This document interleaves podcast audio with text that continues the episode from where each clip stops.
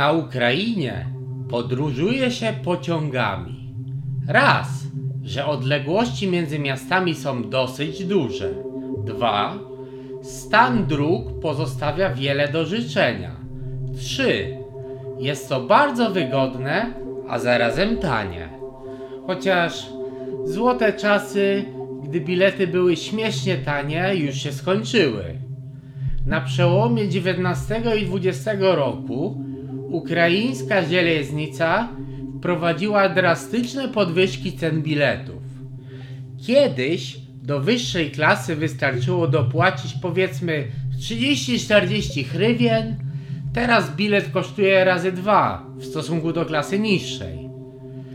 Razem z podwyżką cen biletów koleje ruszyły z kampanią informacyjno-prewencyjną.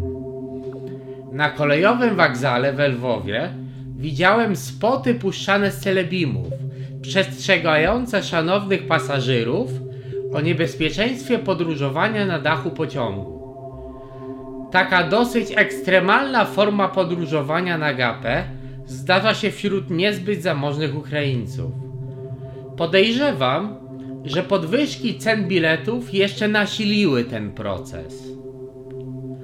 Wróćmy jednak do bardziej konwencjonalnych form korzystania z pociągu, gdy po prostu idziemy do kasy i kupujemy bilet. Nad okienkami na większych dworcach są tablice informujące o obłożeniu danych relacji. Miejsca się skończą, to nie pojedziemy. Od bodajże 7 czy 8 lat jest możliwość zakupu biletów przez internet co dla turystów zagranicznych stanowi duże ułatwienie. Gdy pierwszy raz byłem na Ukrainie, a było to w roku 2010, to nie było jeszcze takich cudów i trzeba było polować na bilet w kasie. Ale o tym później. Obści, płaskartny, kupiejny. To są nasze klucze do podróżowania po Ukrainie.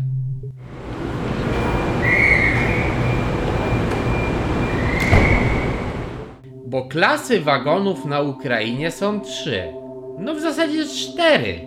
Z tym, że pomijam najwyższą, gdyż nigdy nie dostąpiłem przyjemności skorzystania z luksu. No bo w zasadzie po co się wykosztowywać, skoro najciekawsze rzeczy, całe to towarzyskie życie toczy się w klasach niższych.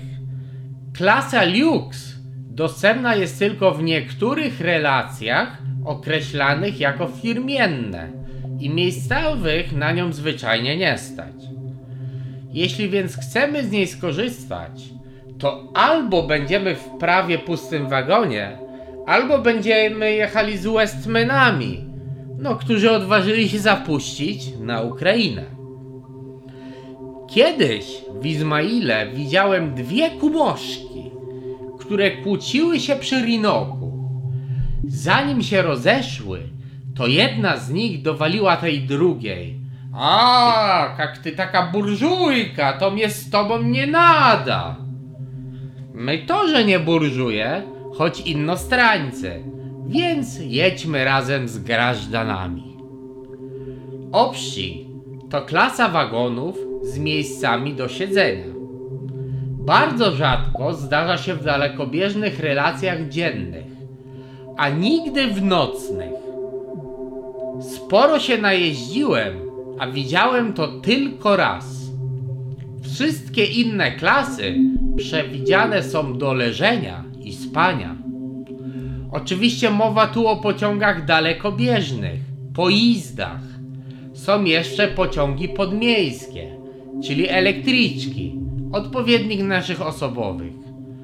Tu naturalnie wszystkie miejsca są do siedzenia.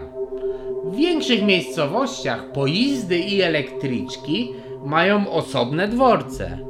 Tak więc, gdy jesteśmy, dajmy na to w Lwowie, Kijowie czy Odessie, a chcemy pojechać elektryczką, będziemy musieli przejść do dworca prymijskiego. Podróż elektryczką jest wysoce wskazana. Nawet jeśli nie mamy potrzeby dokądś dojechać, to i tak warto ze względu na to, co tam się wyrabia.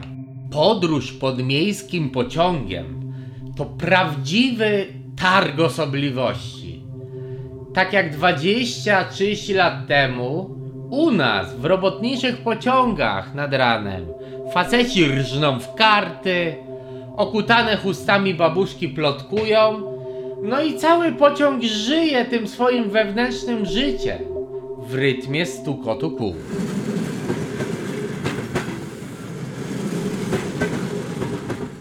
Kiedyś z moim przyjacielem Maciejem jechaliśmy z Odessy do Białogrodu Dnistorowskiego. Na stacyjce Zatoka do pociągów gramoliła się babuszka. Dla starszych osób wejście do elektryczki może stanowić wyzwanie, bo schody do wagonów są jak dla wielkoludów, a perony niskie. Nasza babuszka położyła się w poprzek siedzeń i wyglądała jakby zaraz miała umrzeć. Co chwila namaczała chustkę we flakoniku i przykładała sobie do głowy i innych bolących miejsc. Maciej dziwił się, co ona tam robi, no bo przecież przykładanie kawałka wilgotnego materiału nic a nic nie pomoże i to na nic. Tak więc pospieszyłem wyjaśnić mu tę ciekawą praktykę. Woda we flakoniku nie była to rzecz jasna jakakolwiek woda, tylko woda jordańska. W prawosławiu jednym z dwunastu głównych świąt jest pamiątka chrztu Chrystusa w Jordanie. W tym zimowym dniu święci się zapasy wody jordańskiej. Jest to odpowiednik katolickiej wody święconej. Wierni zabierają potem wodę do domów, aby służyła im przez cały kolejny rok. Dzień ten, popularny zwany świętem Jordanu, przypada w styczniu. Gdy cerkiew leży nad rzeką, odbywa się procesja, w trakcie której kapłani błogosławią wodę w rzece. Wierni zaś kąpią się w tej uświęconej modlitwą wodzie.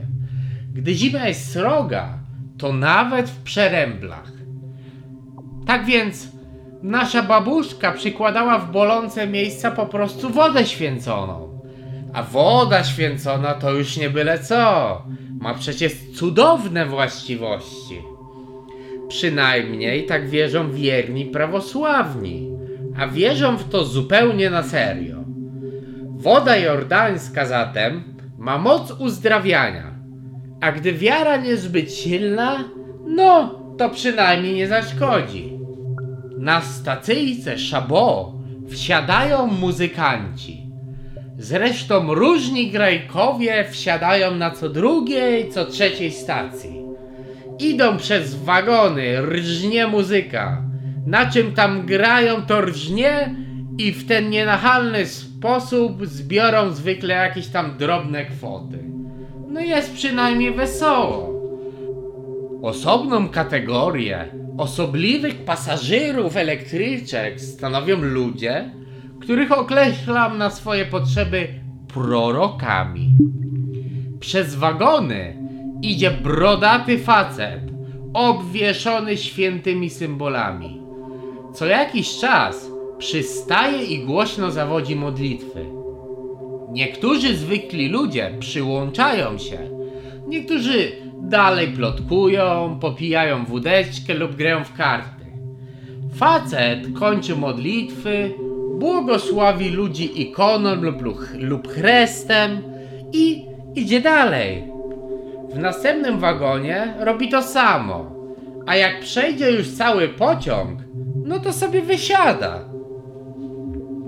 Rzecz jasna, prorocy to nie są żadni mnisi czy nawet osoby duchowne.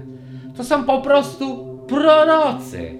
Mniej lub bardziej zdziwaczali ludzie, którzy mają potrzebę robić to, co robią. Pierwszy raz widziałem takiego dziwaka w 2010 roku na Krymie, w drodze z Symferopola do Jewpatorii. Jednak proroka spotkasz równie dobrze pod Odessą czy Kijowem. Jedziemy więc elektryczką, Rżnie muzyczka, karty idą, baby plotkują, a w kłębach papierosowego dymu sakrum miesza się z profanum. Gospody pomiłuj!